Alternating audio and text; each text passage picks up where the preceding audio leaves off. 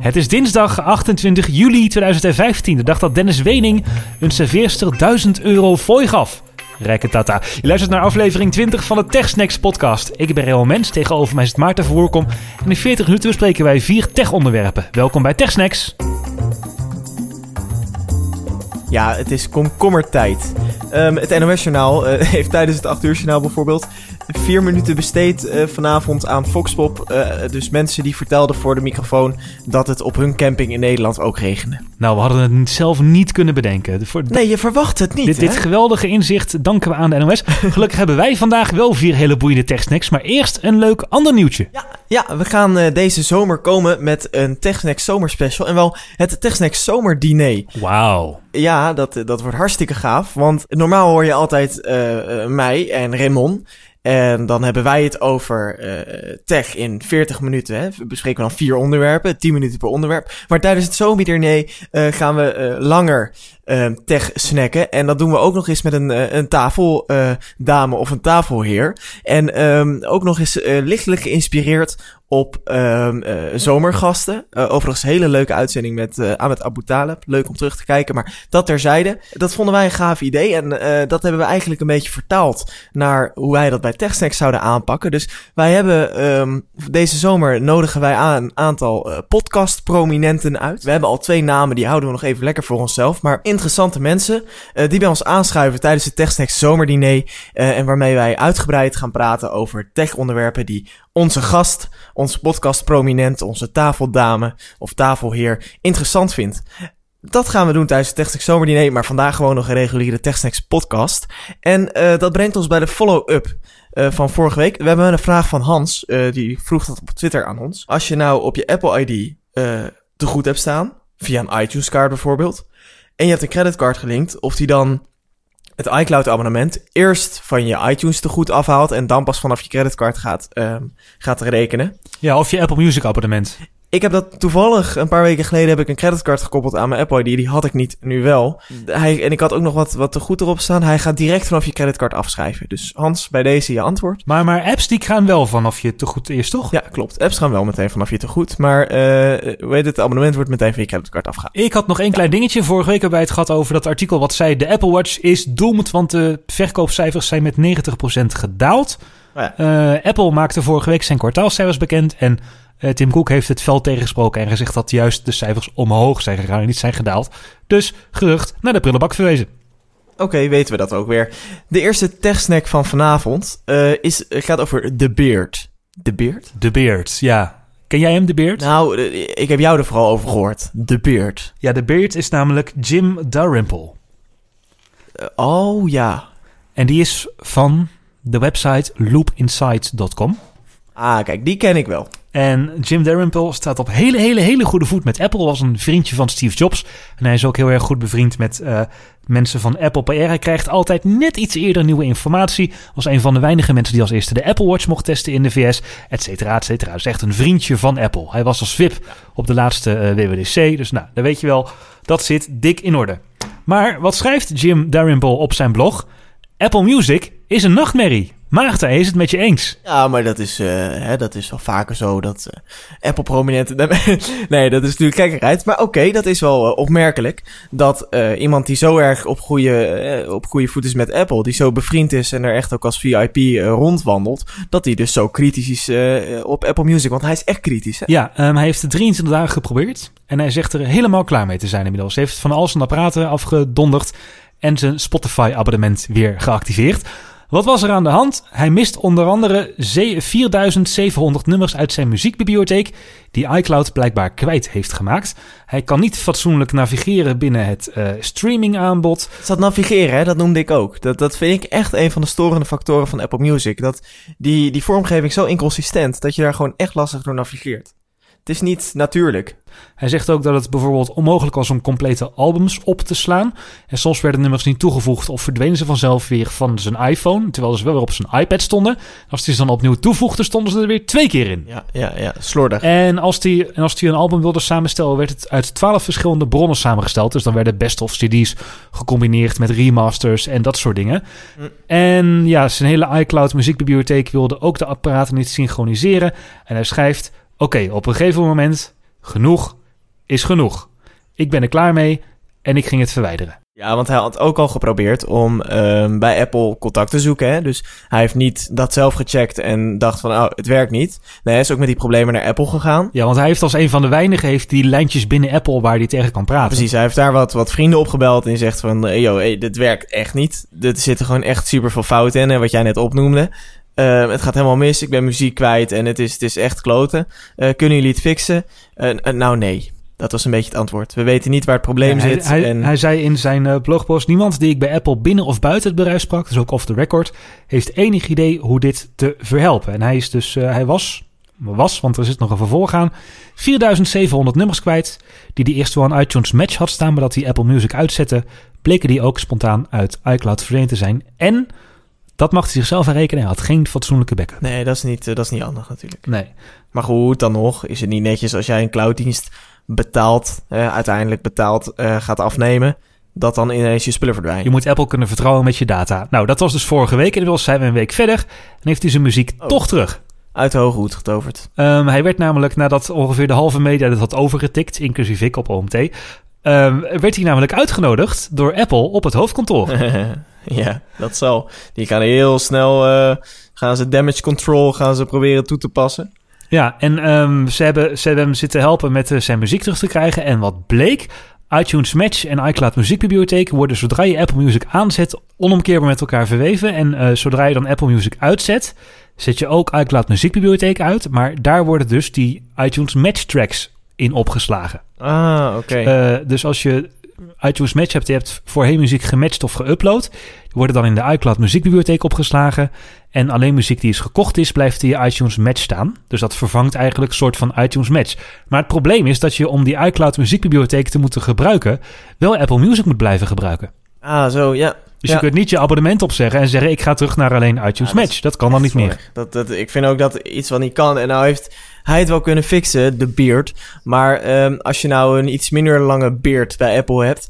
Um, kun, je, kun je dan dat ook fixen? Of is dit echt alleen maar voor de, voor de vriendjes van Apple? En eigenlijk de gewone gebruiker is gewoon de dupe van, van een slordige programmeer. Nou ja, zodra, zodra, je, zodra je Apple Music hebt geprobeerd, uh, komt je muziek nooit meer uit uh, de iCloud muziekbibliotheek. Ook niet als je iTunes Match hebt. Dus daar, daar zit je wel aan vast, min of meer.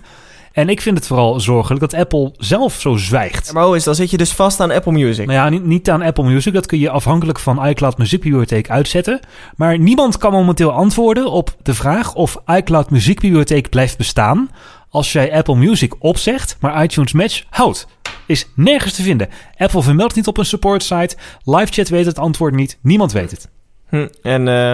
en dat is ook een beetje, dat is ook een beetje mijn bezwaar tegen, uh, tegen dit gebeuren. Dat de support site van Apple is normaal best redelijk uitgewerkte artikelen en best uh, redelijk uitgebreide support die ze daar geven. Ook in, in FAQ's en dat soort dingen. Maar er staat gewoon niks over. En we weten dit nu omdat de Beard, Jim Dalrymple, dit heeft ondervonden. Maar als hij het nou niet had ondervonden, dan wisten we het nee, nooit. Nee, klopt. Ja, en nu moet Apple nog gaan acteren erop natuurlijk. Naar de, naar de consument. En ik bedoel, de Beard is nu geholpen, maar er zijn legio anderen die, die ook dit probleem zullen ondervinden. Ja, en ik weet zeker dat bij Apple hard aan gewerkt wordt. Maar ja, het blijft dus wel te zien dat Apple Music eigenlijk in een soort van, ja, oud systeem is gepropt, wat iTunes heet en iTunes Match heet. Wat eigenlijk al niet super lekker werkte, eigenlijk al problemen had. En daar is die hele Apple Music code dus bij, ge, ja, bij gestopt. Ja, dus hè, dat, die iCloud-problemen, die waren natuurlijk al langer. Dat hebben ze gewoon niet gefixt. En dan zeg je, ik weet zeker dat er hard aan gewerkt wordt. Maar um, dat betwijfel ik eigenlijk. Hè, ze moeten Apple Music gaan optimaliseren. Maar dit zijn iCloud-problemen die eigenlijk dan al, hè, die, die hadden ze kunnen voorspellen. Want hè, dat heeft ook gewoon te maken met die instabiliteit van iCloud. En systemen die, als je dit goed doorgetest had, kom op. Weet je hoeveel geld ze hebben? Weet je hoeveel mensen ze daarop kunnen zetten? Ja, huur daar drie programmeurs voor in die, die dat soort dingen gaan doortesten. En ik weet niet beta-testers er betrokken zijn geweest, maar dit moet toch opgevallen zijn. Dit is niet iets wat. Uh, oh, we hebben net een verkeerd kleurtje toegepast met dat knopje, dat zullen we nog even aanpassen. Nee, dit is gewoon een massive probleem en dat moeten ze opgaan. Nou, het is waarschijnlijk een keuze geweest om de diensten met elkaar te verbinden, maar het staat nergens. Ja, maar dat is prima als je het met elkaar verbindt. Maar dat maakt nog, dan moet je dat wel goed doen. En dat is ook niet gebeurd. Nee, want um, hij heeft niet al zijn muziek terug. Zegt hij ook trouwens nog, om even terug te komen op problemen van de Beard. Want een uh, honderdtal nummers is hij nog steeds kwijt. En volgens Apple heeft hij die zelf verwijderd. Maar hij zegt nee, ik denk niet dat ik die zelf heb verwijderd. Maar ik heb wel een compilatiealbum verwijderd uit mijn bibliotheek. En volgens mij heeft iCloud uh, of iTunes Match ook andere versies van andere albums eruit verwerkt. Omdat hij ze per ongeluk verkeerd gematcht had. Terwijl ze van een ander album waren. Dus ja, de problemen zijn nog niet helemaal opgelost. Um, de synchronisatie en matchproblemen blijven Apple Music plagen. Ik moet wel zeggen dat alles wat ze van Beats over hebben genomen, dus de curatie en uh, de playlist, dat dat super werkt. Maar ja, iCloud en uh, iTunes, dat blijft toch wel echt uh, teleurstellend. Teleurstellend. Over niet goed werkende code en software gesproken. Het zorgenkindje van Adobe. Flash. Het, uh, we hebben het al even over gehad in vorige aflevering. De lekken in Flash. En uh, er lijkt gewoon uh, geen stop op te zitten. Het lijkt niet op te houden. Ja, afgelopen jaar zeven ernstige lekken in Flash. In de vorige aflevering hadden we nog over dat Italiaanse hackingteam dat zelf gehackt was en waar ook weer um, behoorlijk wat lekken door naar buiten waren gekomen. En toen zei ik al, Maarten, moet je luisteren. Ik ben klaar met mijn hele leven Flash updaten. Dus heb ik het verwijderd. En hoe is dat bevallen? Want eh, Flash heb je nog best veel nodig, toch? Nou, dat denkt iedereen, maar dat valt eigenlijk wel mee. Maar ik wil eerst even terug naar de, de oorzaak van het probleem. Kijk, in elke software uh, kan, kunnen bugs zitten en beveiligingslekken en dat is allemaal niet erg. Maar het probleem is bij Flash dat het updaten ook zo vervelend is. Heb je Flash wel eens geüpdate? Ja, want ik gebruik het wel en dat klopt. Dat is echt een ramp. En uh, dat ga ik telkens uitstellen omdat je uh, allemaal minuutjes door moet en via een website er weer een nieuwe versie moet downloaden en gedoe gedoe. Maar ja, dan blijven die lekken natuurlijk wel bestaan. Dus blijft het kwetsbaar. Ja, en die updater is nooit op tijd. Ik heb altijd het idee als er uh, de media rondspookt berichten over een lek in Flash. En de volgende dag is het dan of volgende week is het opgelost. Dan denk ik, oké, okay, wanneer komt de auto-updater met de update? Dag wachten, hij komt niet. Hij komt niet, oké, okay, dan doe ik het zelf maar. Ja, dan moet je dus die updater downloaden. Dan downloadt die weer een nieuwe versie van Flash. Die moet je de voorwaarden accepteren, je browser afsluiten, installeren. Ja, gedoe. Maar goed. Dus ik heb het uitgeschakeld. En toen? Dacht ik, hey, alles werkt nog. Maar, maar je hebt toch bij heel veel videoplayers heb je toch Flash nodig? Ja, dat valt eigenlijk wel mee. Um, je merkt eigenlijk pas hoe weinig het gebruikt wordt en hoe goed de ondersteuning voor HTML5 eigenlijk al is als je geen Flash meer gebruikt. Want heel veel videoplayers die laten standaard wel Flash zien, maar ze ondersteunen ook gewoon HTML5. Oké. Okay. En uh, ja, de meeste sites, zeg maar, de, de halve wereld gebruikt YouTube of Vimeo. En als het sites zijn die een eigen player hebben, gebruiken ze vaak JW Player. Dat is een player die je kunt downloaden en uh, open source kunt gebruiken. Dat draait allemaal prima HTML5 naast Flash. Alleen laten ze standaard dus de Flash player zien. Maar waarom eigenlijk? Uh, ja, dat is zo in het verleden gekomen dat browsers niet altijd overweg konden met HTML5. Dus hè, oude Internet Explorer versies bijvoorbeeld, die konden slecht overweg met HTML5 video. Dus hebben ze gezegd, nou we doen standaard maar Flash, want dat hebben de meeste gebruikers toch geïnstalleerd. Dus dan komt het wel goed. Hmm. Maar er zijn ook uitzonderingen van websites die dus echt willen dat je Flash op je desktop gebruikt. Bijvoorbeeld RTL Nieuws, vond ik heel gek. Maar alle livestreams en alle filmpjes van RTL Nieuws, die kun je niet kijken zonder Flash. En ook uh, kijk.nl kan het niet. Dat is de uitzending gemist van SBSS. De NPO er trouwens wel goed voor elkaar. En het Amerikaanse Fortune Magazine. Allemaal hele moderne sites. Helemaal up-to-date qua design en uh, dat soort dingen. Ja, precies, dat dacht ik ook. Want RTL die heeft onlangs nog die hele nieuwe website uh, gelanceerd. Dat is een paar maanden geleden geweest. Maar waarom kiezen jullie er dan voor om toch zo'n flashplayer te plaatsen? Nou ja, ik vermoed dat uh, de advertenties die voor de video zitten... Mm -hmm. nog niet zijn geïmplementeerd in een HTML5-player. Oh, okay. Dus dat zij liever hebben dat jij via Flash komt... omdat zij dan hun advertenties kunnen laten zien. Van ja, als we nou HTML5 de standaard maken... dan krijgen mensen geen, geen advertenties en verdienen wij niks. En het, het mooie is dat ik daarachter ben gekomen door een trucje toe te passen. Je kunt uh, websites namelijk voor de gek houden. Je kunt tegen websites zeggen: Hoi, ik ben een iPad en ik wil een video bekijken. Echt? Hoe doe je dat? Uh, door de user agent aan te passen. Dus door je browser eigenlijk te laten zeggen van... Ik ben een uh, iPad. Dat kan zowel in Chrome in als Safari. Oké, okay, dan krijg je wel gewoon de volledige websites. Krijg je niet voor mobiel geoptimaliseerde websites of zo? Nee, de meeste websites kijken gewoon naar de breedte van je scherm. En zolang dat gewoon een desktop is, kan het prima. En dat werkt zowel bij RTL als bij uh, Kijk.nl. En ook bij Fortune Magazine werkt het. Als je zegt, uh, uh, zend mij maar door als een iPad. Dan krijg je ineens een keurige HTML5-speler. Wel zonder advertenties boven voor die video, die het gewoon doet. Nou, dus zo ben je ook achter dat, dat gekomen dat het mogelijk de commerciële afweging is. Omdat je daar geen advertenties zag. Ja, het viel mij op dat alle video's direct starten zonder advertenties. Dus ja, Ah, dat is okay. op zich wel fijn. Klinkt aantrekkelijk. Zou, wat zou je dan nu adviseren? Gewoon echt doen? Moet ik het er ook maar gaan afhalen? Ja, gewoon doen. Um, als je het echt nodig hebt, uh, of bepaalde sites willen echt niet, kun je dus dat trucje met uh, de user agent aanpassen. In Safari heet het de gebruikersagent. En daar een iPad van maken. We zullen in de show notes uh, wat how-to zetten hoe je dat doet. En Ja, ik heb het eigenlijk in het grootste deel van het grootste deel niet gemist. Oké, nu, nu zeg je wat, show notes. Um, dan ga ik nog een heel klein stukje follow-up midden in de, in de podcast doen. Want ik herinner me ineens een vraag die we daarover hebben gekregen. Waar vind je nou de show notes? We hebben het er telkens over. Maar uh, we kregen die vraag via de e-mail. Ik ben even kwijt van wie.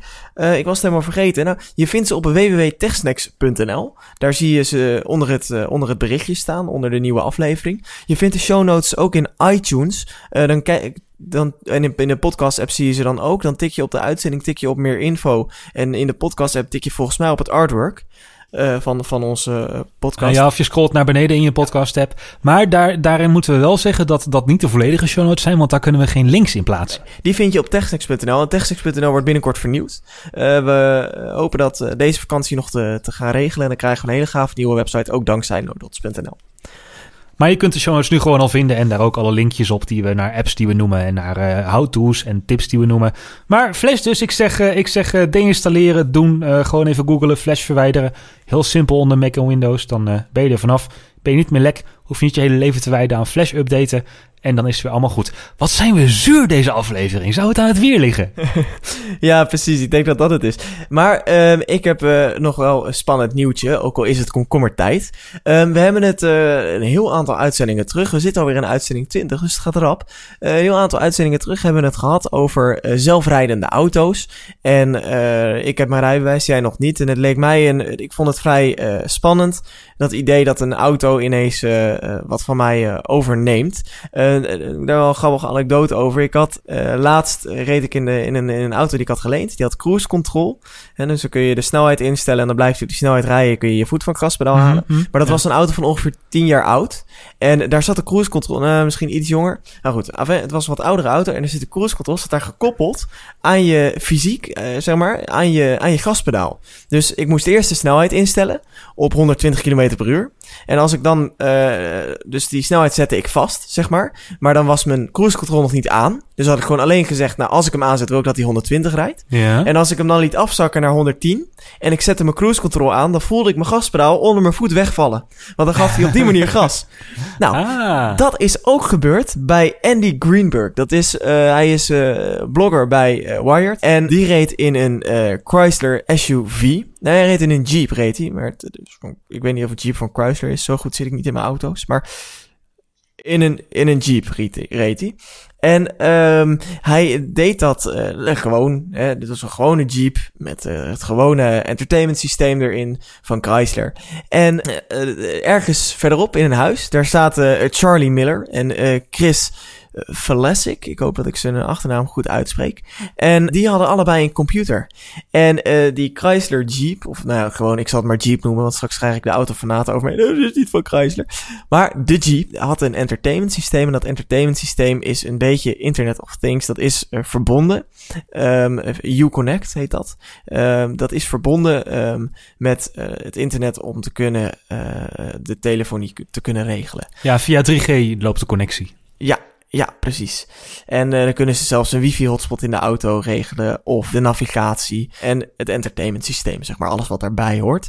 En dat Uconnect, daar konden uh, um, Charlie en Chris, die konden daarop inbreken. Gewoon echt hacken op afstand. Oei. En toen zaten ze dus in de auto. Via Uconnect zaten ze in de auto. Via dat entertainment systeem zaten ze in die Jeep. En toen konden ze allerlei geintjes gaan uithalen. Ze konden bijvoorbeeld ineens de, alle fans aanzetten. Dus, dus uh, Andy die kreeg ineens, uh, Greenberg die kreeg ineens allemaal warme lucht in zijn gezicht. Um, en dus er verscheen ineens een foto op het display van Miller en Velesic. En, die, en, en de muziek ineens keihard aan. Allemaal geinige dingen uh, die ze konden doen. Maar uh, minder geinig werd het toen ze ook de schoonmaakvloeistof continu lieten sproeien op de voorruit en de ruitenwissers lieten wapperen. Waardoor uh, ineens uh, het zicht veel minder werd. En toen ze de motor uit lieten vallen midden op de highway, uh, was dat ook niet heel erg prettig. Um, want daarvoor moest de auto herstart worden, dus helemaal uitgezet worden en herstart worden voordat uh, die weer kon accelereren. Helemaal heftig werd het op het parkeerterrein, want toen konden ze dus via de computer terwijl ze daar gewoon, terwijl ze niet verbonden waren met die auto via enige kabel of iets, konden ze het stuur overnemen, de remmen ongedaan maken. En uh, zelfs, uh, en die stuur overnemen konden ze achteruit, als, als de auto niet al te hard reed, maar ze konden dus het stuur, ze konden gewoon die auto besturen, als een radiografische auto, en uh, de remmen ongedaan maken, waardoor die auto in de berm belandde. Oei. Mijn, mijn, mijn mond viel open van verbazing. Ja, dat is niet best. Ik had, ik had verwacht van, hè, nou, nou, die auto's zijn steeds meer connected. Maar vanwege het, het grote uh, risico wordt daar vast wel over nagedacht. Ja, het, het probleem is volgens mij dat je hebt het entertainment systeem in de auto. Dat is een, gewoon een computer. En je hebt het motorcontrolesysteem of het motorbedieningssysteem. En die twee horen gescheiden te zijn. Maar volgens mij was dat hier niet helemaal het geval. Nee, klopt. Nee, ze kunnen met uh, commando's konden ze daarop inbreken, zeg maar. Uh, ze zaten echt vrij diep in het systeem, hoor. Ze konden echt heel ver komen. Um, en op die manier gewoon die auto uh, besturen. Een, ja, een groot gevaar dus. Um, en um, om dat op te lossen, dus ze, ze hebben dat naar buiten gebracht. Uiteindelijk, hoe ze, een, een beetje hoe ze dat gedaan hebben. En Chrysler heeft wel meteen actie ondernomen. Um, die heeft namelijk 1,4 miljoen auto's teruggeroepen. Oef. 1,4 miljoen. Om te updaten waarschijnlijk, om een update uit te rollen of zo. Precies. Um, er, er is een patch gekomen. En die moet alleen geüpdate worden via de garage. Dus er zijn 1,4 miljoen auto's teruggeroepen. En dan moet je, voor, moet je je voorstellen dat je een bericht krijgt dat je je auto terug moet roepen. Omdat er hackers hebben ingebroken die de remmen ongedaan hebben gemaakt. Nou, ik zou toch nog wel drie keer achter mijn oren krabben of ik hem niet meteen zou inruilen voor een Ja, als dat toch met mijn auto kan, dan, uh, dan schrik ik daar wel van. En, uh, nou, het is ook zo denken... bijzonder dat je blijkbaar gewoon op elke Chrysler die, die rondrijdt als je daar het IP-adres van weet, kun je inloggen vanuit de bank gewoon met speciale software. En van iemand die gewoon op de weg rijdt, kun je bam, vanuit thuis gewoon ja. zijn stuur overnemen. Ja. De, de auto herstarten, motor uit laten vallen, remmen uh, overnemen. Ja, en dat is, ik had inderdaad met die, met die, uh, dat, dat lek in, in U-Connect, die, die, uh, uh, die, die zwakte die daarin zat. Het was trouwens niet de eerste keer dat de twee heren een auto hadden overgenomen. Maar de vorige keer zaten ze achter in de auto met kabels met de auto verbonden. Ja, dat maakt het al een stuk minder spannend natuurlijk. Want hè, dan moet iemand inbreken in je auto en stiekem met zijn MacBook achter je gaan zitten. En stiekem je de auto inpluggen. Dat wordt hem niet. Maar dat was inderdaad het heftige van hier. Hè, de Greenberg die reed op de, op de highway. En uh, Miller en Vlasic die zaten ergens in een huisje uh, met de laptop op schoot die auto te besturen. Meer details worden volgende week bekendgemaakt over die hack tijdens de Black Hat Conference. Ja, ja, dat is een grote hackersconferentie. Ja, en dan komt er vermoedelijk nog wat uh, shit boven die we nog niet weten. Maar dit is op zich al ernstig genoeg. En ik herinner me, een tijdje geleden was er ook een rechtszaak over Toyota's die uit zichzelf uitvielen of aangingen. Herinner je dat nog? Dat er iets met Toyota Prius was het, geloof ik. Ja, ik, uh, vaag, vaag. Dat staat me niet heel erg... Uh... Ja, nou, daar heb ik een uh, vorig jaar een nieuwsartikel over gelezen... waarin stond dat uh, hè, er was een, in de, de VS was er een rechtszaak aangespannen van consumenten die gezamenlijk schadevergoeding eisten. En daardoor werd ook de software van de Toyota van... Hoe kan het nou dat die auto ineens niet meer reageert of niet meer, uh, niet meer uh, kan accelereren? Hoe kan dat nou? Werd door een onafhankelijk expert geanalyseerd. Die is er ongeveer een jaar mee bezig geweest en die omschreef het als één grote bol spaghetti code. Ja, dus het is, het is gewoon die code in die auto's, in die auto's, hè, die auto, die zitten gewoon nog niet goed. Ironisch genoeg kreeg ik advertenties te zien uh, bij het artikel op Wired. En uh, dat was uh, Norton Antivirus. Daar moest ik wel om lachen toen ik dat zag. Um, maar ja, er zit dus gewoon een grote zwakte in de codes van, van auto's en entertainment systemen. En ik, eh, dat is speculatie natuurlijk. Maar ik denk als je daar echt in gaat duiken. En die auto's worden natuurlijk steeds meer connected. En die worden steeds zelfstandiger. Um, een nieuwe feature bijvoorbeeld is dat Adaptive Cruise Control. Ik weet niet of je daarvan gehoord hebt. Maar dat het cruise control wat ik net vertelde. Maar als je dan te hard op iets uh, afcruise controlt, zeg maar. Dus ik rij 120, voor me ontstaat een file. En voor me gaan ze ineens 90 rijden en ik kom met 120 daar aangevlogen. Dan gaat mijn auto automatisch bedenken van ik rij 120, voor mij rijden ze langzamer, ik moet gaan remmen. Dat is Adaptive Cruise Control, dus zo past zich dat aan. Die auto wordt ook steeds slimmer. Als je daarop gaat inbreken en uh, die code straks ook kan gaan aanpassen, ja, dat wordt gewoon super link. Die auto's worden steeds zelfstandiger, steeds meer connected. Ja, dat jij kan tegen, tegen een auto kan gaan zeggen van uh, in plaats van afremmen, harder rijden. ga je maar harder. Ja. Als je iets en het wordt allemaal steeds meer connected. Hè. Dat is echt niet dat, dat, dat, dat, dat dit uh, het einde is al. Dit is echt nog maar het begin. En daar zal dus heel erg goed naar gekeken moeten Hebben worden. we daarom misschien bedrijven als Google en Apple nodig die wel snappen hoe je software maakt, dat die zich in de auto-industrie gaan begeven? Hè? Google is al een tijdje bezig met, uh, met zijn eigen zelfrijdende auto's. En over Apple gaan de geruchten. Nou, ik weet één ding zeker. Als eh, Apple of Google een auto gaan eh, opleveren, dat daar niet van die spaghetti-code in zit. Nee, ja, kijk, dat is natuurlijk ineens vanuit dat perspectief gezien wordt het ineens heel logisch dat technologiebedrijven eh, gaan toetreden op de automarkt. Ja, want het is steeds meer software. Ja, precies. Dus ehm, eh, van dat je zeg maar met een, met een schroevendraaier en een hamer een, een auto in elkaar zetten, gaan we er naartoe dat je met je computer een auto in elkaar zet.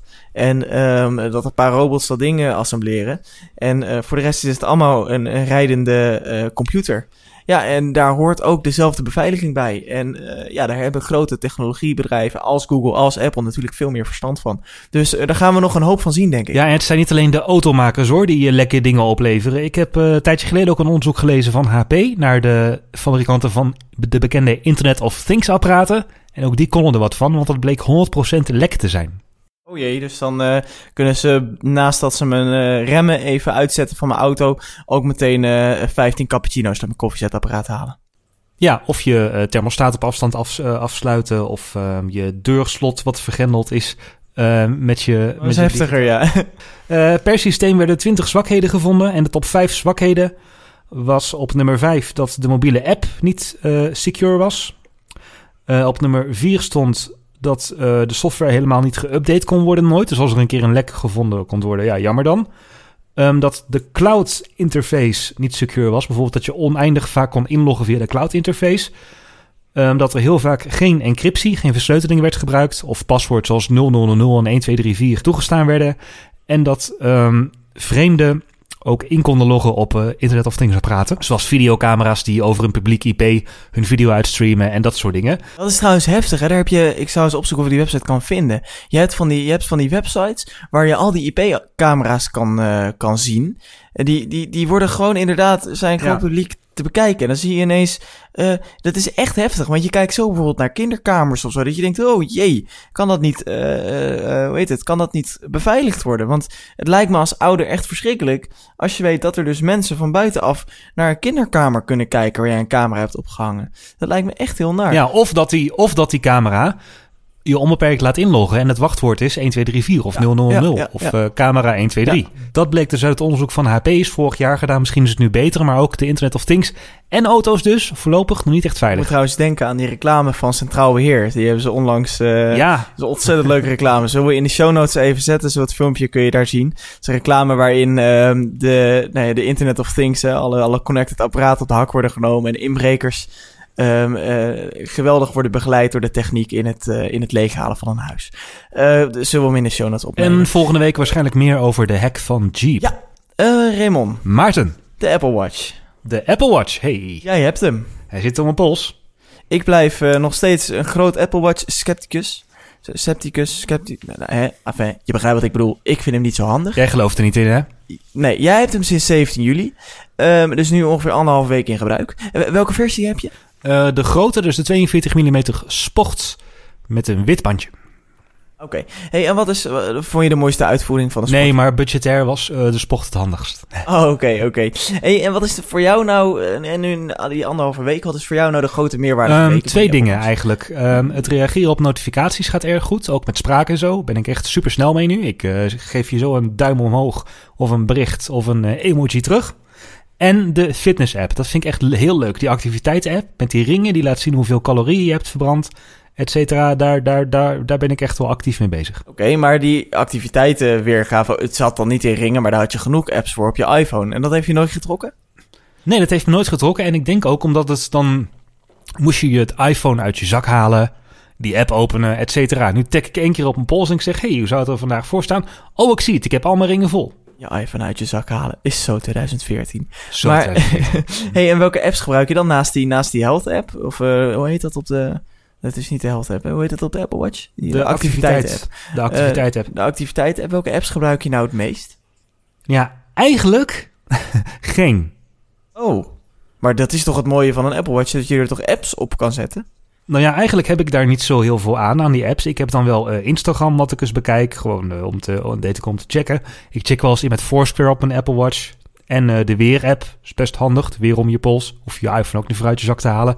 Maar ja, er staat ook Feedly, Soundcloud staat erop, foto's, Telegraaf, Nu.nl, Overcast. Ja, ik gebruik het niet, want het is zo'n gedoe om zo'n app te bedienen om je pols. Ik vind die notificaties En de glances en het fitnessgebeuren vind ik eigenlijk prima. Dus eh, de glances zijn de, de snelle weergaves op je wijzerplaat, toch? Nee, dat zijn de complications. Maar de glances die zie je dus vooral als je van onder op het lockscreen van de watch naar boven swipe. Dan krijg je een soort kleine kaartjes met erop informatie. En informatie kan zowel uit externe apps zijn als uit ehm, ingebouwde apps. Dat zijn eigenlijk een beetje de snelle blikken die je kunt doen. Oké.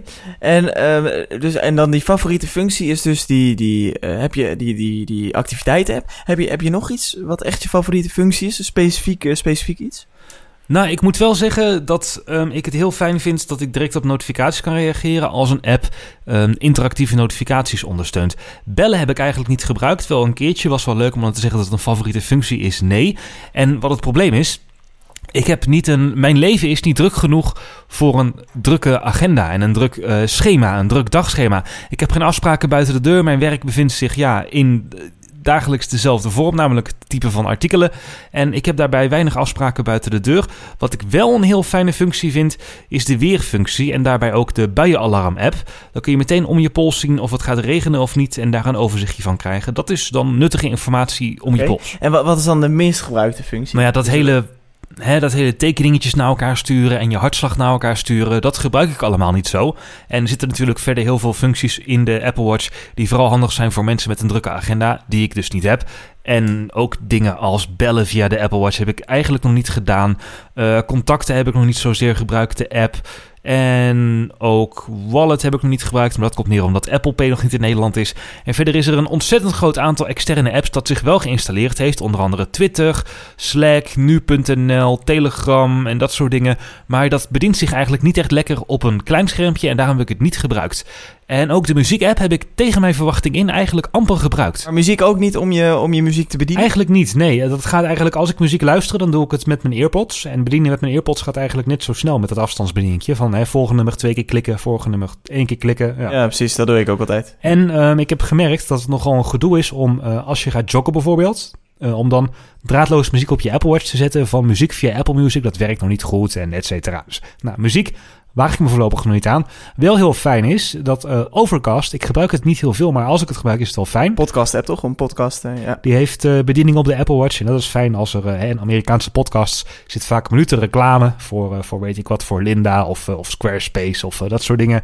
Nou, dan doe ik even om mijn pols eh 30 seconden vooruit, 30 seconden vooruit, 30 seconden vooruit, 30 seconden vooruit. Boom, en ik ben weer terug in het gesprek. Oké. Ja, dat is dan wel, dat is dan wel handig. Hey, en het grootste gemis van de Apple Watch, heb je dat? Iets wat je denkt van, ah, dat had er echt op moeten zitten. Dit, dan, was hij, dan was hij af geweest. Nou ja, ik vind het wel jammer dat Apple Pay niet in Nederland is, maar daar hebben we het al over gehad. Maar verder, Nee, is niet iets dat je denkt misschien, van... misschien, misschien kom ik het nog tegen. Maar ja, ik zie het momenteel niet echt. Hè, al jouw vragen wijzen er een beetje dat jij het een beetje ziet als een iPhone om je pols met apps en allemaal dingen die je Nou, doen ik heb, bla, ik heb mijn bla. vragen heb ik, oh, zeg maar gebaseerd op het feit eh, hoe Apple dat ding heeft neergezet. Ja, oké. Hè, want met de Watch, ik bedoel, apps vind ik geen rare vraag. Want met de Watch OS 2, eh, daar gaat het eigenlijk alleen maar Mm. om apps. Ja. Hè, dat, dat is eh, native apps op je Apple Watch. Dus dat vind ik geen rare vraag. Dus, nee, dat ben ik niet helemaal met je eens. Nou ja, het is geen rare vraag, maar, maar, maar ik, ik zie het niet zozeer als een, een apparaat wat je actief moet gebruiken als iPhone om je pols, waar je lekker op apps gaat zitten en dingen gaat bekijken. Maar gewoon, je hebt hem om, hij vertelt je af en toe hoe je, met je, hoe je, je dag is met je fitnessdoel. Of je een afspraak hebt, als je een berichtje hebt kun je er makkelijk op antwoorden. En hij vertelt je af en toe dat je moet gaan staan omdat je te lang hebt gezeten. Nou, weet je, niet te veel mee doen, maar het apparaat vooral tot jou laten komen als ja, horloge wat toevallig slim Ja, is. precies. Een beetje de, de, de latente behoeftes van jou weet. Van nou, op dit moment zou mijn gebruiker het wel prettig vinden. En misschien dat die, hè, die nieuwe serie daar nog wat in kan betekenen.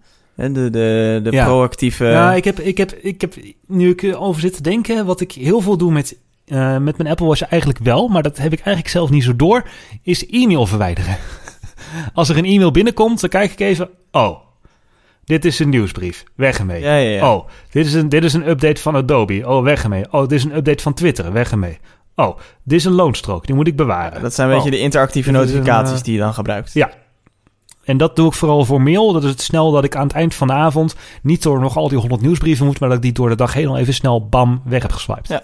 Oké, en maar dan hoef ik jou dus eh, voor ons eh, blokje apps, want dit brengt ons alweer aan het einde van de TechSix podcast. Ehm hoef ik jou niet te vragen voor eh, de beste app met, met Apple Watch ondersteuning. Nee, een super geweldige, niet te missen app voor de Apple Watch. Die heb ik nog niet. Is nog work in progress. Misschien vind ik er deze week een van. Ik denk, oh, die is geweldig, die moet ik hebben.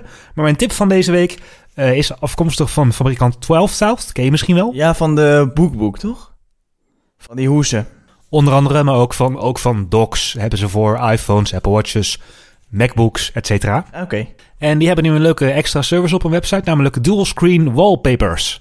Dat zijn uh, wallpapers die ja, dus geschikt zijn voor mensen met meerdere schermen. En dan vooral gericht op de Mac-gebruikers hebben ze namelijk bijvoorbeeld een uh, kleine wallpaper, of een klein deel van een wallpaper en een groot deel van de wallpaper die dan op je MacBook-scherm kunnen, maar ook op het scherm wat naast je Mac staat. En dat sluit dan mooi op elkaar aan. Oh, dat is wel een leuke tip. Ja, dat is echt zo'n uh, komkommertijd tip. Wie wordt er niet blij van een leuke, mooie wallpaper die helemaal aansluit? Op de site van 12 South staan ze. Linkje in de show notes. En uh, mocht je daar nou niet zo blij van worden, dan heb ik een geweldige app voor je waar je toch helemaal blij van wordt. Uh, ik begreep dat de halve wereld er al mee, uh, mee bezig was, maar ik vond het een erg grappige app. Het is een game. hij is nu een euro. Hij is afgeprijsd. Normaal kost het 4 euro nog wat. Dat zou ik er niet voor betalen, maar 99 cent wel. De Goat Simulator. het is een soort van GTA, maar dan in plaats van een mannetje ben je dan een geit. En ros je door, door een, een geitenwereld heen met, met mensen en dingen. En vliegende geiten en geiten die springen. En je bent een geit, de Goat Simulator. Gewoon spelen. 99 cent App Store. Het linkje zie je in de show notes. Het is een leuke app, maar hij werkt als je de iOS 9 beta hebt, werkt hij nog niet. Hoef je niet te proberen. Dan moet je dit niet doen. Dan uh, mis je echt iets in je leven, namelijk de Goat Simulator. Hey, genoeg gegeit. De 40 minuten zitten erop en de vier onderwerpen ook. Dat brengt ons aan het einde van aflevering 20 van de TechSnacks podcast. Reageren als je dat doet, vinden we leuk. Kun je doen via reactie.techsnacks.nl of via onze website www.techsnacks.nl slash submit. Op Twitter zijn we @techsnacksnl en op Facebook kun je ons vinden op facebook.com slash techsnacks, zonder NL erachter.